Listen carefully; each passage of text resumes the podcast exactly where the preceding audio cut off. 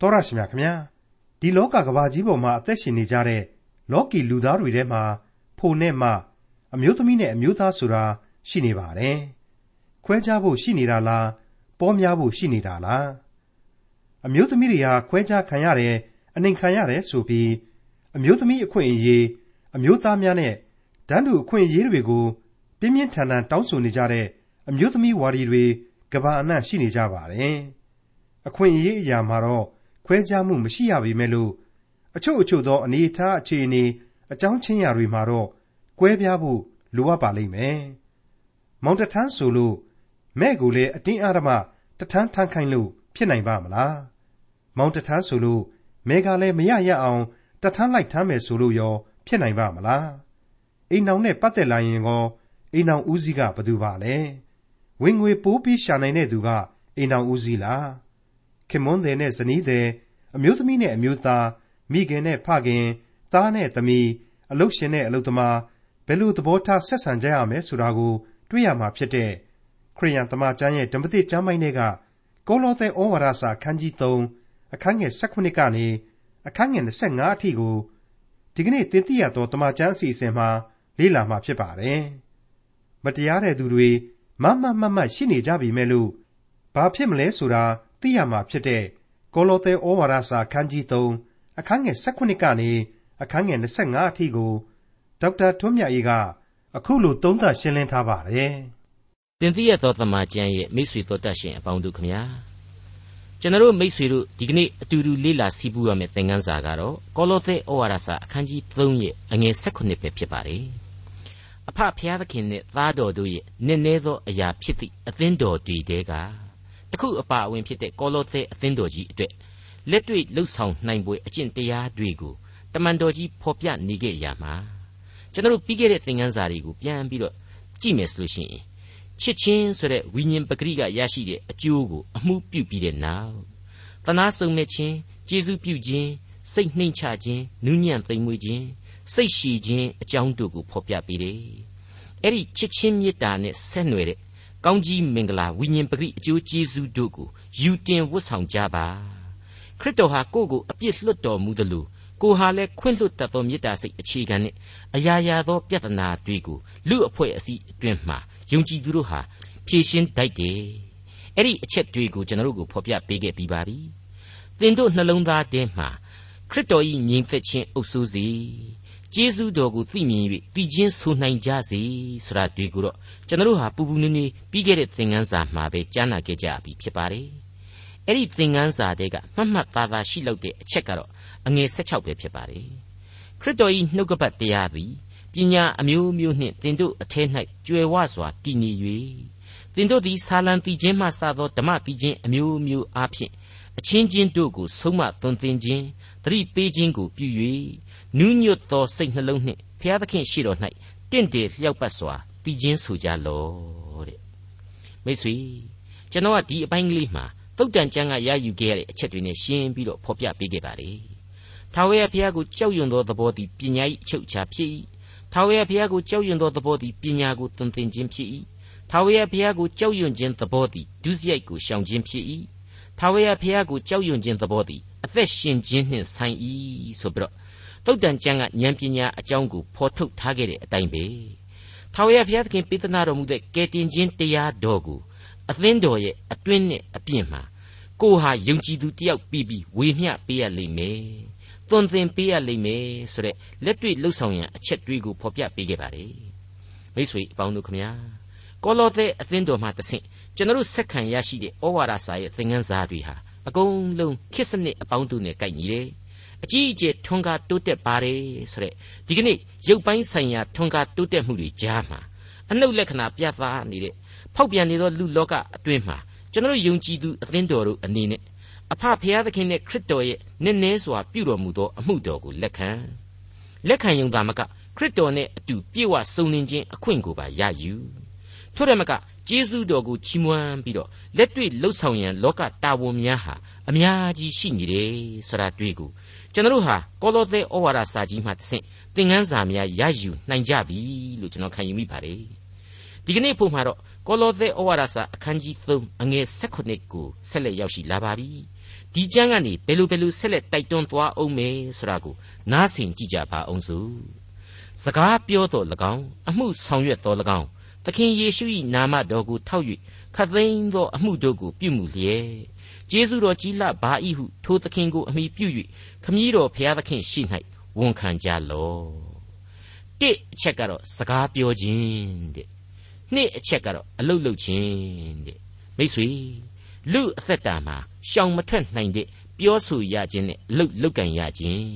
အဓိကအရာကြီးနှစ်ခုအကြောင်းကိုဒီနေရာမှာဖော်ပြထားတယ်လူသားတွေဟာအဲ့ဒီ စကားပြောခြင်းနဲ့အလုတ်လုတ်ရခြင်းဆိုတဲ့အမှုနှစ်ခုကိုမတိမချင်းပြုရစမြဲဖြစ်တယ်အဲ့ဒီအချက်နှစ်ခုစလုံးမှာသခင်ယေရှု၏နာမတော်ကိုထောက်၍ပြုကြဆိုပြီးတော့တမန်တော်ကြီးသင်ကြားပေးလိုက်ပါတယ်ဒါဟာအမှန်တော့ယုံကြည်သူတို့ရဲ့လွယ်လင့်တကူအသုံးပြုတတ်တဲ့လက်သုံးစကားဖြစ်ပါတယ်ဒါပေမဲ့အမှန်တကယ်ပဲယေရှု၏နာမတော်ဟာကိုယ်စကားတွေကိုယ်အလုပ်တွေအပေါ်မှာစံဖြစ်ရလားအဲ့ဒီကိုထားရှိတဲ့စံဟာရော ပေမီတောက်မီစံချိန်စံညွှန်းအပြည့်အဝဖြစ်ရလားဆိုတာကိုတော့ကျွန်တော်တို့ကိုယ့်ဘာသာကိုစမ်းစစ်ကြည့်ရပါလိမ့်မယ်တခါတလေမှနာမတော်ကိုအမိပြုပြီးတော့ကိုလှုပ်တဲ့အလုပ်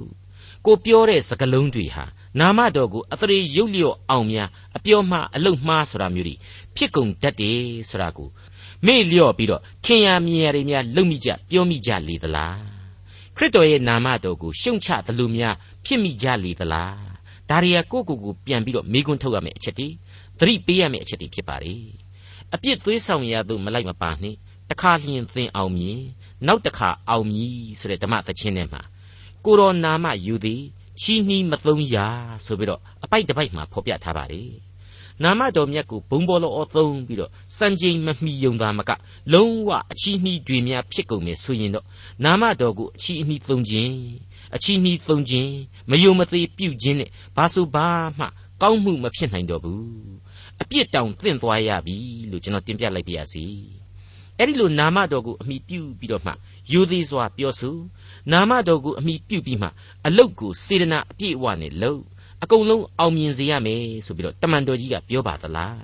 မပြောပါဘူးဒါပေမဲ့ကိုဟာယုံကြည်သူဖြစ်တယ်စေတနာအပြည့်အဝနဲ့လုပ်တယ်စိတ်တန့်တန့်ရှင်းရှင်းနဲ့လုပ်တယ်အလိုတော်ကိုဝန်ခံပြီးတော့စွန့်စားတယ်အလိုတော်ရှိရင်အောင်မြင်ပြီးတော့အလိုတော်မရှိရင်မအောင်မြင်ဘူးရှင်းနေပါလေ ဒါပေမဲ့ကျေးဇူးတော်ကြီးလှပါ၏ဆိုပြီးတော့ဝန်ခံကြရလိမ့်မယ်။ဘာဖြစ်လဲဆိုတော့ဒီအမှုဟာပါဇက်ပြောနဲ့လုပ်ခဲ့တာမဟုတ်ဘူး။အမှန်တကယ်သူ့ရဲ့အရေးမှာသူ့ကိုတိုင်တီးပြီးလုပ်ခဲ့တာ။အဲဒီလိုသူ့ကိုတိုင်တီးပြီးလုပ်တဲ့နေရာမှာလေစိတ်ရောကိုယ်ပါရှိတယ်။အကောင်းဆုံးခွန်အားနဲ့လုပ်တယ်။အမြင့်မြတ်ဆုံးစိတ်ဓာတ်နဲ့လုပ်ခဲ့တယ်။အဲ့ဒါဆိုရင်မအောင်မြင်ရင်ဘာဖြစ်သေးလဲ။ဘုရားသခင်ကဒီတဲ့ပို့ပြီးကြီးမားတဲ့ဆုကျေးဇူးကိုပေးခြင်းလို့ လောလောဆယ်တရင်ကမအောင်မြင်တာဖြစ်တယ်။ဘုရားသခင်ရဲ့အလိုတော်တက်တက်ဖြစ်တယ်အောင်မြင်ရင်လည်းဘုရားသခင်ကဒါအောင်စီဆိုလို့အောင်မြင်တာပဲဆိုတာကိုကျွန်တော်တို့လက်ခံကြရမှာပဲဖြစ်ပါလေဒါကြောင့်မလို့ကျေးဇူးတော်ကြီးလှပါ၏ဆိုပြီးတော့ဝန်ကိုခံကြရမှာဖြစ်ပါလေမိတ်ဆွေအမြဲတမ်းအောင်မြင်နေတဲ့လူတယောက်တချီမှအကြီးအကျယ်လဲအထိနာသွားရောဘုရားသခင်ကိုစိတ်နာသွားပြီတဲ့ဘုရားသခင်မကောင်းဘူးတဲ့အဲ့ဒီလိုကျွန်တော်ကြားဘူးတဲ့ အဲ့ဒီလိုဘုရားသခင်ကိုလိုတရတယ်ဘုရားတောင်းတိုင်းပေးတဲ့ဘုရားလို့သဘောမထားရပါဘူးဘုရားသခင်ရဲ့ကျေးဇူးနဲ့ဂရုနာတော်မှာနေနမိတ်ဆိုတာအရှင်းမရှိသလိုဘုရားသခင်ရဲ့စီရင်ပိုင်ခွင့်မှာလည်းနေနမိတ်အရှင်းမရှိပါဘူးနော်အကန့်အသတ်လည်းအရှင်းမရှိပါဘူးအလိုတော်ကိုဝန်ခံတယ်ဆိုတဲ့နေရာမှာအကျွင့်မဲ့ဝန်ခံနိုင်မှဝန်ခံတာဟာအကောင်းဆုံးယုံတယ်ဆိုတဲ့နေရာမှာပုံ၍အနှံနိုင်ခြင်းလည်းရှိရလိမ့်မယ်မိတ်ဆွေအပေါင်းတို့ခမညာသင်ဤနှလုံးသားစိတ်အစဉ်မှာ နှုတ်ကပတ်တရားတော်သည်ပညာအမျိုးမျိုးနှင့်ကြွယ်ဝစွာတည်မီနေပါစေဆိုပြီးတော့ဖော်ပြခဲ့တဲ့အဆုံးအမဟာတကယ်တော့ဒီနှုတ်ကပတ်တော်အတိုင်းရှင်သန်ခြင်းအပြင်တိအသင်းတော်ရဲ့အတွင်းအပြစ်မှာကယ်တင်ခြင်းကျေးဇူးတော်ကိုဝေမျှနိုင်ဖို့သွန်သင်နိုင်ဖို့ဖြစ်တယ်။နှစ်ဝမ်းမြောက်၍ကျေးဇူးတော်ကိုတည်ခြင်းဆိုဖို့ကျေးဇူးတော်ကိုချီးမွမ်း၍တည်ခြင်းဆိုဖို့ထောမနာပြုဖို့ရန်ဖြစ်တယ်ဆိုတဲ့အချက်တွေကိုတွေ့ကြရပြီးဖြစ်တယ်လို့ ယုံကြည်သူခရိယန်အသက်တာဟာအပြောအဆိုအပြုအမူများအားလုံးကိုလေနာမတော်ကိုအမိပြု၍လောက်ကင်ဆောင်ရွက်ပြီးတဲ့နောက်ကိုဆောင်ရွက်ရသောအမှုတိုင်းအတွက်လေသူ့သစ္စာတော်သူ့ရဲ့အလိုတော်အတိုင်းသာဖြစ်ရမယ်ဆိုတဲ့စိတ်ပြထမ်းချက်နဲ့ကျေးဇူးတော်ကိုဝန်ခံဖို့ဖြစ်တယ်ဆိုတာတွေ့ကိုကောလောသဲဩဝါဒစာဟာတဆင့်ပြီးတဆင့်ရှင်းလင်းပြခဲ့ပြီးပါပြီအခုနောက်ထပ်တွေ့မြင်ရတဲ့အချက်တွေကတော့ယုံကြည်သူတို့၏အိမ်တောင်များသို့ဆိုတဲ့ ခရိယန်မိသားစုအိမ်တောင်များနဲ့ပတ်သက်တဲ့ဖျားသခင်ရဲ့အလိုတော်ရှိသောအဆုံးအမများအကြောင်းကိုကျွန်တော်ဆက်လက်တွေ့ရအောင်မယ်လို့ကျွန်တော်တင်ပြခြင်းပါတယ်ဟုတ်ပါတယ်ယုံကြည်သူတို့၏အိမ်တောင်များသို့ဆိုပြီးတော့ဆက်လက်လေ့လာကြည့်ကြပါအောင်စို့ကောလောသဲဩဝါဒစာအခန်းကြီး3အငယ်18အချင်းမိမ့်မတို့သခင်ဖျား၌လျှောက်ပတ်သည့်အတိုင်းကိုခင်ပွန်း၏အုပ်ဆိုးခြင်းကိုဝန်ခံကြလော့အချင်းယောက်ျားတို့ကိုခင်ပွန်းကိုချစ်ကြလော့ ကြမ်းတမ်းစွာမပြုကြနှင့်အိမ်တောင်ဦးစီးဖြစ်တဲ့ဖခင်နဲ့မိခင်တို့ရဲ့အကြောင်းကနေစတင်ပေးလိုက်ပါတယ်အချင်းမိန်းမတို့သခင်ဖျား၌လျှောက်ပတ်သည့်အတိုင်းကိုယောက်ျားရဲ့အုပ်ဆိုးခြင်းကိုဝန်ခံနိုင်ကြပါစေတဲ့ဟုတ်ပါတယ်သခင်ဖျား၌အမိပြုသောအိမ်တောင်တစ်ခုဟာဖျားသခင်ရှိမှတင့်တင့်တယ်တယ်ဖြစ်စေဖို့ရန်အတွက်ခင်ပွန်းသေးရဲ့အုပ်ဆိုးမှုကိုဝန်ကိုခံကြရမှာပါဒါပေမဲ့ အဲ့ဒီအိမ်တောင်ဟာဘုရားသခင်စီမှာအမှန်တကယ်အခြေကျနေရဲ့လားဘုရားသခင်စီမှာအခြေတည်ရဲ့လားအေးသာကြီးကောက်ရိုးပုံကိုလာခဲ့ဟိဆိုပြီးတော့စခဲ့တဲ့အိမ်တောင်လားဒါမှမဟုတ်ရင်လေဘုရားသခင်ရှိလူတို့ရှိမှာအဖသင်းအုပ်ဆရာတို့နဲ့မင်္ဂလာဆောင်ပြီးတော့စခဲ့တာအမှန်ဟုတ်ရဲ့လားလူကြီးအတိတ်မှာစိတ်လှုပ်ရှားမှုတစ်ခုတည်းနဲ့ညီစွန်းဖြစ်တည်ခဲ့ရသောအိမ်တောင်လားဒီအချက်တွေကိုကျွန်တော်တို့ဒီနေရာမှာအလေးနဲ့စဉ်းစားဖို့လိုပါလိမ့်မယ် 128ခုမြောက်သောဇာလံ128ခုမြောက်သောဇာလံတွေကိုပြန်ပြီးကြည့်မယ်ဆိုရင်ဘုရားသခင်နဲ့စတင်တိဆောက်ခဲ့သောအိမ်တောင်ဘုရားသခင်ကိုမန်တိုင်ပြုတ်ထားသောဗဟုပြုတ်ထားသောအိမ်တောင်တို့ရဲ့အကြောင်းတွေကိုအခုလိုကျွန်တော်တို့တွေ့နိုင်ပါတယ်အားကြလောက်ဖွယ်သောကျေးဇူးတော်ကိုခံရသည့်အိမ်တောင်များအကြောင်းပေါ့128ခုမြောက်သောဇာလံမှာဆိုရင်လေထာဝရဘုရားသည်အိမ်ကိုစောက်တော်မမူလျင်စောက်တော်သူတို့သည်အချီးနှီးလှုပ်ဆောင်ကြ၏ ထာဝရဘုရားသည်မြို့ကိုစောင့်တော်မမူလျှင်ကင်းဆောင်တို့သည်အချီးနှီးစောင့်ကြ၏စောစောထလျက်ညစ်နေသည့်တိုင်အောင်မအိပ်ဖဲနေလျက်ပင်မစွာအစာစားလျက်နေတော်လဲအကျိုးမရှိအိပ်ပျော်ရသောအခွင့်ကိုချစ်တော်မူသောသူအားအမှန်ပေးတော်မူ၏ဖွားမြင်သောသားသမီးတို့သည်ထာဝရဘုရားဆုချ၍ပေးသနာတော်မူသောအမွေဥစ္စာဖြစ်ကြ၏အသက်ပြိုစင်ဖွားမြင်သောသားသမီးတို့သည်သူရဲ့လက်၌ရှိသောမြားကဲ့သို့ဖြစ်ကြ၏မိမိမြားတောင်ကိုသူတို့နှင့်ပြည့်စေသောသူသည်မင်္ဂလာရှိ၏ သူတို့သည်ရှက်ကြောက်ခြင်းမရှိရန်သူတို့ကိုတကားဝ၌စီးတာကြလိမ့်မည်တဲ့အဲ့ဒီအတိုင်းမယိုးမဆွဲပဲ128ခုမြောက်သောဆာလံကြတော့ပြီးပြီးပြင်းပြင်းအခုလိုဆက်လက်ဖော်ပြထားပါတယ်ထာဝရဘုရားကိုကြောက်ရွံ့၍လမ်းခရီးတော်သို့လိုက်သွားသောလိုက်သွားသမျှသောသူတို့သည်မင်္ဂလာရှိကြ၏ထို့သောပြုလျင်သင်သည်မိမိလက်နှင့်လှုပ်ဆောင်၍ရသောအစာကိုစားရလိမ့်မည်မင်္ဂလာရှိ၍ကောင်းစားရလိမ့်မည် သင်ဤမယားသည်သင့်အိမ်နားမှများစွာသောအသီးသီးသောစပြည့်နွယ်ပင်ကဲ့သို့၎င်းသားသမီးတို့သည်သင့်စပွဲပတ်လည်၌စိုက်ပျိုးသောတန်လွင်ပင်များကဲ့သို့၎င်းဖြစ်ကြလိမ့်မည်ထာဝရဘုရားကိုကြောက်ရွံ့သောသူသည်ထိုသို့သောမင်္ဂလာရှိရလိမ့်မည်တဲ့ရှင်းနေတာပါပဲမိတ်ဆွေအဲ့ဒီလိုအဖဘုရားသခင်ထံမှာဗဟုပြုမထားဘူးဆိုရင်တော့ဒီအဆုံးအမဟာအတီမဖြစ်နိုင်ပါဘူး ကိုခင်ပွန်းဤအုပ်ဆိုးခြင်းကိုဝန်ခံကြလောဆိုပြီးတော့အဆင့်မြင့်တင်ပေးတဲ့ယောက်ျားဟာတစ္ဆာဖောက်အရက်တော့ဖျားသခင်ကိုလည်းဂရုမစိုက်မိမကိုတဖုံဖုံရိုက်နေတယ်နှိပ်စက်နေတယ်ဆိုပါတော့ဒီညွှန်ကြားချက်ဟာအလိုလိုပြက်ပြဲသွားပြီအချင်းယောက်ျားတို့ကိုခင်ပွန်းကိုချစ်ကြလောကြမ်းတမ်းစွာမပြုတ်ကြနှင်းဆရာဟာလေဒီအချက်အတိုင်းပဲဖြစ်လိမ့်မယ်လို့ကျွန်တော်ဆိုချင်ပါတယ်ယောက်ျားရဲ့ချစ်ချင်းကိုဒီအိမ်တောင်ရှင်မအမျိုးသမီးဟာရောခံတတ်ရဲ့လား ဒါကိုကျွန်တော်တို့ကထည့်တွက်ရလိမ့်မယ်တနည်းအားဖြင့်ယောက်ျားယောက်ျားရဲ့တာဝန်မိန်းမမိန်းမရဲ့တာဝန်တွေဆိုတာဟာအမြဲရှိနေပါတယ်တာဝန်မကြေပြွမှုတွေအိမ်တောင်သာပြုတ်ထားတယ်သစ္စာမတီးကြီးမှုတွေနှစ်ဦးနှစ်ဖက်ဖြစ်နေမယ်ဆိုရင်တော့ဒီဩဝါဒစကားတွေဟာအကျိုးရှိလိမ့်မယ်မဟုတ်ပါဘူးကောလောသဲဩဝါဒစာအခန်းကြီး3အငယ်20သားသမီးတို့မိဘစကားကိုအရာရာ၌နားထောင်ကြလော့မိဘစကားကိုနားထောင်ခြင်းအမှုသည်သခင်ဖျားနှစ်သက်တော်မူသောအမှုဖြစ်၏ ပတ်ဝန်းကျင်တင့်တယ်စေရာအိမ်တောင်မှမေတ္တာဆိုတဲ့ဓမ္မသချင်းကလေးကိုတွားပြီးတော့သတိရမိပါတယ်အမေအဖေတို့ရဲ့အဆုံးအမနဲ့စပြီးတဲ့နောက်အခုတော့သားသမီးကလေးတွေရဲ့အလှည့်သင့်လာပါတယ်သားသမီးအပေါင်းတို့ရေတဲ့မိဘစကားကိုအရာရာ၌နားထောင်ကြပါကွယ်တဲ့မိတ်ဆွေအရာရာဆိုတဲ့အချက်ဟာအထူးပြုထားပါတယ်အရေးကြီးပါတယ်ဒီအချက်ပါဝင်လာတဲ့အတွက်မိဘတို့ဟာသားသမီးကလေးတွေကိုမှန်ကန်သောစကားကိုသာပြောရမယ် နှုတ်ကပတ်တော်နဲ့အညီနိုင်ဆုံးတတ်နိုင်သူပြီးဆူဆုံးရမယ်ဆူဆုံးမရမယ်ဆိုတဲ့အချက်ဒီပါဝင်နေပါတယ်သုတ်တန်ကျမ်းမှာတုန်းကဆိုရင်သူငယ်သွားရလမ်းဝ၌ဆုံးမသွန်သင်လော့တို့ပြုလျင်သူသည်အိုသောအခါထိုလမ်းမှမလွဲလိုက်သွားလိမ့်မည်တဲ့ဒီနေရာမှာလိမ့်မည်ဆိုတာဟာသတိပြုရမယ့်နောက်ထပ်အချက်တစ်ခုဖြစ်နေပြန်ပါတယ်လူသားကိုလူမိဘကထိမ့်ချုပ်တာဟာသိကောင်းပါတယ်ဒါပေမဲ့အမြဲလိမ်မာသွားရလိမ့်မယ်လို့အာမမခံနိုင်ဘူး မိဘတို့တဲ့အဖဖျားသခင်ကသာလျှင်တစ်သက်လုံးဖန်တီးပြုပြင်နိုင်တယ်ဆိုတဲ့အချက်ကိုသတိရဖို့လိုပါလိမ့်မယ်ဒါကြောင့်မို့လို့လေသုတ်တန်ကျမ်းအခန်းကြီး3ရဲ့အငယ်1ကနေ7အတွင်းမှာအခုလိုဖော်ပြထားပါတယ်ငါသာငါပေးသောတရားကိုမမေ့နှင့်ငါပြည့်ညတ်တို့ကိုသင်၏နှလုံးစောင့်ရှောက်ပါစေအကြောင်းမူကားပြည့်ညတ်တရားသည်အသက်တာရှိသောကာလနှစ်ပေါင်းများကို၎င်းငြိမ်ဝတ်ခြင်းကို၎င်းတိုးပွားစေလိမ့်မည်ဂယုဏတရားနှင့်တစ္ဆာတရားကိုသင်နှင့်မကွာစေနှင့် ထိုတရားတို့ကိုသင်၏လေပင်၌ဆွဲထားလော့နှလုံးအင်းစည်းရင်၌ရေးသွင်းလော့ထို့သောပြုလျင်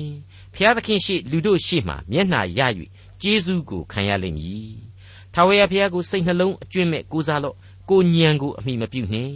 သွားလေရာရာ၌ထာဝရဘုရားကိုမျက်မှောက်ပြုလော့တို့ပြုလျင်သင်၏လမ်းခရီးတို့ကိုပဲ့ပြင်တော်မူမည်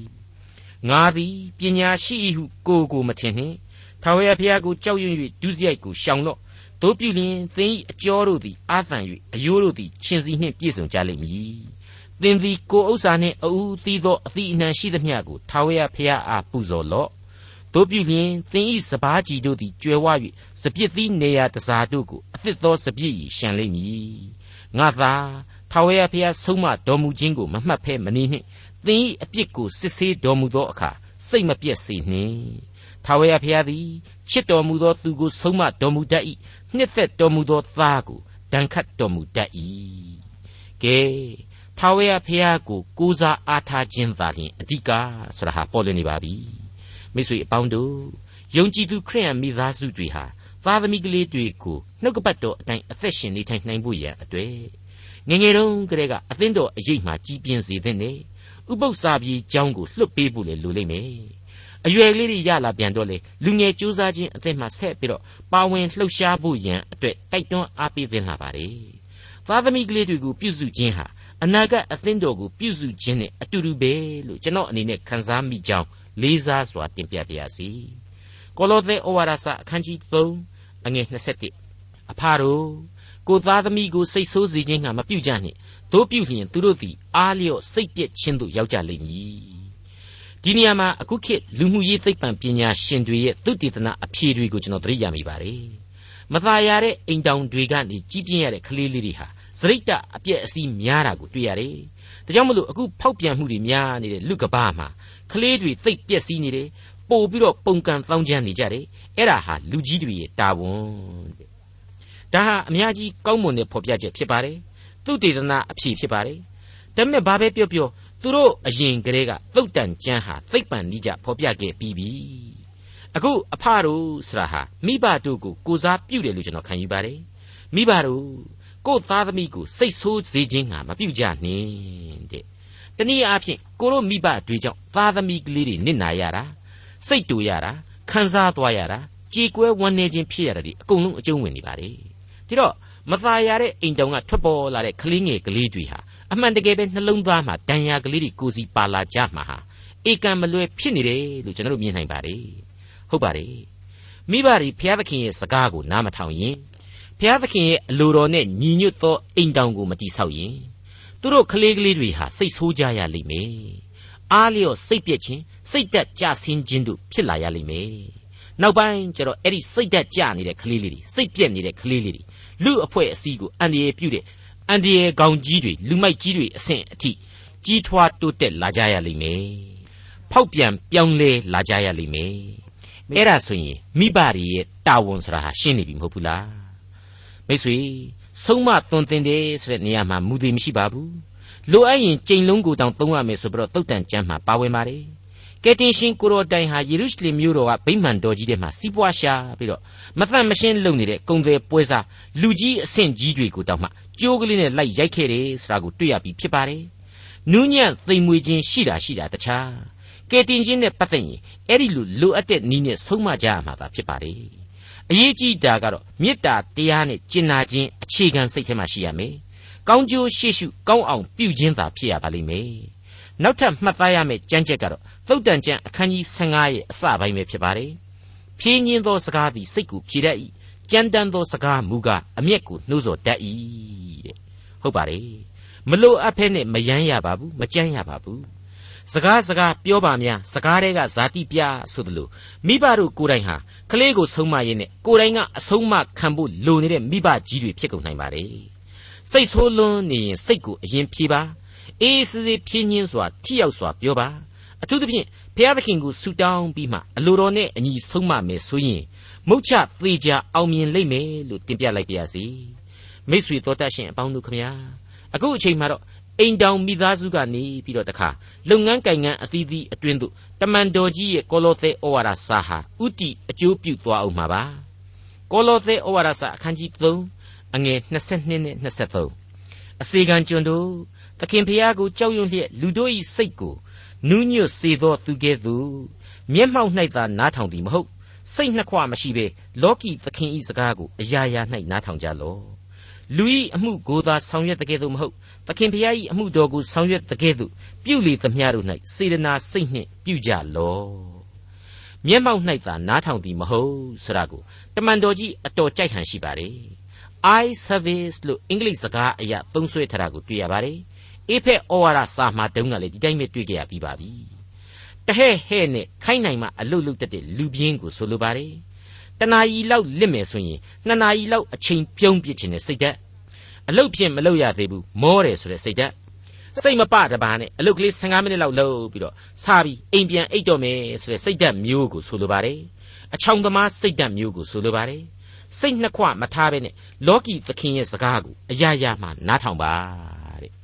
အရာရာမှနားထောင်ရမယ်ဆိုတာနဲ့ပတ်သက်ပြီးတော့ဒါဆိုရင်မတရားတာကြီးကိုခိုင်းနေရင်ကိုလောက်ရမှာလားဆိုပြီးတော့သေသေးချာမစင်စားပဲနဲ့မေးတဲ့မေးခွန်းမျိုးကိုကျွန်တော်ကြုံမှုပါတယ်သခင်ဖျားကိုကြောက်ရွံ့လျက်အလုတ်လုတ်ပါလို့ဆိုထားကြတဲ့ကမတရားတာကြီးကိုတော့ခိုင်းနိုင်ပဲလို့လို့ဖြစ်မလို့ဥပရိလက်လွတ်တီရှောက်ပြီးတော့သူများခိုင်းနိုင်သွားလုံနေကိုပဲဒုက္ခရောက်မှာပေါ့သခင်ဖျားကိုကြောက်ရွံ့တဲ့စိတ်နဲ့အလုတ်လုတ်သူဟာကို့အဖိုးအခအယထိုက်တန်စွာအခွင့်အရေးယူထားတဲ့အလုတ်အပေါ်မှာ သစ္စာရှိရမယ်တန်အောင်လုပ်ပေးရလိမ့်မယ်စေတနာလည်းရှိရလိမ့်မယ်ဘုရားသခင်မျက်နှာတော်ကိုထောက်ထားပြီးတော့မှအလုတ်လုပ်ရမယ်ဆိုတာကိုဖော်ပြခြင်းသာဖြစ်ပါလေဒါကြောင့်မလို့လေလူဤအမှုကိုသာဆောင်ရွက်တဲ့ကဲ့သို့မဟုတ်သခင်ဖျားဤအမှုတော်ကိုဆောင်ရွက်တဲ့ကဲ့သို့ပြုလေသမျှတို့၌စေတနာစိတ်နှင့်ပြုကြလော့တဲ့ရှင်းရှင်းလေးပဲဖော်ပြထားပါလေဟုတ်ပါတယ်မိတ်ဆွေဘုရားသခင်အမှုတော်ကိုဆောင်တယ်ဆရာဟာအသင်းတော်အရေးမှားတင်ခိုးလှုံပြီးလုပ်ရတာမျိုးမဟုတ်ပါဘူး ကိုတတ်တဲ့ပညာနဲ့အံဝင်ခွင်ကြဖြစ်တဲ့လုပ်ငန်းခွင်တွေအသီးသီးမှာအလုပ်လုပ်တယ်အလုပ်လုပ်ရင်းနဲ့ဘုရားသခင်ဘုန်းတော်ကိုထင်ရှားစေနိုင်တယ်အရေးအချင်းကောင်းတဲ့ခရိယံပိသခြင်းကိုသက်သေခံနိုင်တယ်စေတနာနဲ့အကျိုးပြုပြီးတော့မေတ္တာသဘောကိုသိသာထင်ရှားစွာဖော်ပြစေနိုင်တယ်လို့ကျွန်တော်ဆိုချင်ပါတယ်အကယ်၍ဝင်ငွေကောင်းတယ်ဆိုရင်လေအဲ့ဒီဝင်ငွေကောင်းတယ်ပဲသူများကိုမဆာနိုင်တယ်အသင်းတော်အပေါ်မှာပို့ပြီးတော့ရေရောစွာကူညီနိုင်မယ်ဆိုပြီးတော့စေတနာစိတ်ပြဋ္ဌာန်းလိုက်ရင် ဒါဟာအကျိုးရှိနိုင်တာပါပဲကောင်းမွန်တာပါပဲဒါကြောင့်မလို့အတွင်းစိတ်သဘောကိုကြည့်မြင်နိုင်တဲ့သခင်ဟာသူ့ကိုခံရတဲ့စိတ်နဲ့လုပ်ငန်းခွင်အသီးသီးကယုံကြည်သူအားလုံးတို့ကိုကောင်းကြီးပေးမှမုတ်ချသေးကြဖြစ်တယ်လို့ကျွန်တော်တင်ပြခြင်းပါတယ်မိတ်ဆွေကဲတင်ချင်းတရားရဲ့ကနဦးအသင်းတော်တွေထဲမှာမှုကြီးမတ်ရာတွေစစ်ဘူကြီးတွေကြမ်းတက်ကြီးတွေအခွန်ခံအရာရှိတွေအထည်အလိတ်လုပ်ငန်းရှင်တွေကုန်သည်တွေဆရာဝန်တွေ တငါသည်တွေစသည်စသဖြင့်လူဒန်းစားပေါင်းစုံပါဝင်ခဲ့ကြတာကိုမမေ့ကြပါနဲ့ဒီပုဂ္ဂိုလ်ကြီးတွေနဲ့ပဲအသင်းတော်တွေကိုဘုရားသခင်ဟာတီထောင်ပေးခဲ့တယ်ဆိုတာဟာသမိုင်းရဲ့သစ္စာအမှန်ပဲလူမျိုးဘာသာတလိလူအဆင့်အတန်းတွေမခွဲဘဲနဲ့အသင်းတော်ကိုတိဆောက်ပေးတယ်ဆိုတာကိုလေပြီးခဲ့တဲ့အငယ်၁၁မှာရှင်းရှင်းလင်းလင်းတွေ့ကြရပြီးသားဖြစ်ပါတယ်အငယ်၁၂မှာကြတော့လေအဲ့ဒီသူလိုချင်တဲ့ဝိညာဉ်စိတ်ဓာတ်တွေကိုဘုရားသခင်ဟာဖော်ပြပေးခဲ့ပြီးသားပါပဲ ဘယ်လို့မှညင်းလို့မရနိုင်တဲ့ဒီဖြစ်စဉ်တွေကိုသိထားပါရဲ့နဲ့ခရစ်တော်ရဲ့အမှုတော်ကိုဆောင်တယ်ဆိုတာဟာတရားဟောနိုင်မှဓမ္မဘုံရင်သာသနာအလုတ်ကိုလုပ်မှအမှုတော်ဖြစ်တယ်ဆိုတဲ့အယူအဆဟာအကျွင်းမဲ့မှန်ကန်ခြင်းမရှိတဲ့အကြောင်းပြတ်သားစွာတင်ပြပေးလိုက်ပါရစေကောလောသဲဩဝါဒစာအခန်းကြီး3အငယ်24နဲ့25သင်တို့သည်သခင်ခရစ်တော်၏အစီကိုခံကြသည်ဖြစ်၍အမွေတော်ဒီဟုသောအကျိုးကို ထိုသခင်ဖျား၏လက်တော်မှခံရလိမ့်မည်ဟုသိမှတ်ကြလော့မတရားသောအမှုကိုပြုသောသူမည်သည်ကမိမိပြုသောအမှု၏အကျိုးအပြစ်ကိုခံရလိမ့်မည်အဘယ်သူ၏မျက်နှာကိုမှတ်တော်မမူပ ပို့ပြီးရှင်းသွားပါပြီသခင်ဖျားအလိုတော်ရှိတဲ့အတိုင်းကို့အတတ်ပညာနဲ့ကိုလောကလုပ်ငန်းခွင်အသီးသီးမှအလုပ်လုပ်တယ်လှုပ်ဆောင်เสียရှိတာဒီကိုကျေးဇူးတော်ချီးမွမ်း၍ဆက်လက်လှုပ်ဆောင်တာလှုပ်ဆောင်ကြပါ ဘုံတော်နဲ့နာမတော်ကိုထွန်းလင်းထင်ရှားစေတယ်ဆိုရင်ဒါဟာအစီခံခြင်းပဲဘုရားသခင်ကောင်းကြီးပေးလိမ့်မယ်အဲ့ဒါဟာအမွေတော်ဆိုတဲ့ကောင်းကင်နိုင်ငံတော်အမွေပါပဲတဲ့တခုတော့ရှိလေရဲ့နော်မတရားသောအမှုကိုတော့တွားပြီးတော့မပြုမိကြစေနဲ့စောစောပိုင်းတုန်းကကပ်ဖို့ကပ်ဖက်မိကိုမေးသူအတွက်အဖြေဟာလည်းရှင်းသွားပြီမတရားတာကိုဘုရားသခင်လက်သက်မခံနိုင်ပါဘူးခိုင်းစီရင်ခိုင်းစီတဲ့လူလည်းမသက်သာ မတရားမှန်သိလျက်နဲ့လှုပ်ပေးသူလည်းဘယ်နည်းမှမသက်သာနိုင်ပါဘူးအကျိုးအပြစ်ကိုခံရမယ်တဲ့အဘယ်သူဤမျက်နာကိုမျှမှတ်တော်မမူဆိုပြီးတော့ရိုးရိုးရှင်းရှင်းလေးဖော်ပြထားတယ်မဟုတ်ဘူးလားမိတ်ဆွေအပေါင်းတို့ဖန်ဆင်းရှင်ဖြစ်တယ်လို့အရာရာကိုပိုင်သသူသခင်ဟာစုံလင်သောသခင်ဖြစ်တယ်ကျွန်တော်တို့ကိုသူ့ကိုယုံကြည်ခြင်းအပြင်သူနှင့်အတူရှင်ပြန်ထမြောက်ခြင်းဘုန်းတော်ဝင်စားခြင်းအခွင့်ကိုပေးထားတယ် လောကအသက်တာမှာလည်းကျွန်တော်တို့မှတဆင့်သူ့ရဲ့အလင်းတရားကိုလူသားတို့ခန်းစားနားလည်စေခွင့်ပေးထားတယ်ဒါတွေအကုန်လုံးဟာပြုတော်မူသောကျေးဇူးတော်များကြီးပဲဖြစ်ပါတယ်ယုံကြည်ခြင်းချစ်ခြင်းမျှော်လင့်ခြင်းတို့ရှိပြီးသားကောလောသဲအသင်းတော်မှစပြီးတော့ဒီကနေ့ကျွန်တော်တို့အပါအဝင်ယုံကြည်သူတိုင်းတို့ဟာကိုယ်အသင်းတော်ကိုယ်အလုပ်ကိုယ်မိသားစုကိုယ်ဘဝအပေါ်မှာတစ္ဆာရှိကြလိမ့်မယ်လောကတာဝန်တွေကိုဝိညာဉ်တော်လမ်းပြခြင်းနဲ့အညီစေတနာအပြည့်နဲ့ထမ်းဆောင်ပေးကြလိမ့်မယ် မြေသားအသက်တာကိုရှင်းရှင်းသန့်သန့်မြင့်မြင့်မြတ်မြတ်ရှင်သန်စေဖို့ရန်ကြိုးစားအားထုတ်ကြရမယ်ဒါပေမဲ့မြေကြီးအရာတို့ကိုဆွဲလန်းဖို့အဓိကမဟုတ်ဖျားသခင်လက်ရတော်ဘက်မှခရစ်တော်သည်ထိုင်နေတော်မူရာအရ၌ရှိသောအထက်အရာတို့ကိုသာစိစိမျှော်ကြည့်ကြရမှာဖြစ်တဲ့အကြောင်းတင်ပြလိုက်ပါရစေဒေါက်တာထွန်းမြတ်၏စီစဉ်တင်ဆက်တဲ့တင်ပြရတော်တမချန်းအစီအစဉ်ဖြစ်ပါတယ်နောက်တစ်ချိန်အစီအစဉ်မှာခရိယန်တမချန်းရဲ့ဓမ္မတိကျမ်းပိုင်းတွေက ကောလောသဲဩဝါဒစာရဲ့နောက်ဆုံးအခန်းကြီးဖြစ်တဲ့ အခန်းကြီး ၄ ကို လေ့လာမှဖြစ်တဲ့အတွက် စောင့်မျှော်နားဆင်နိုင်ပါတယ်။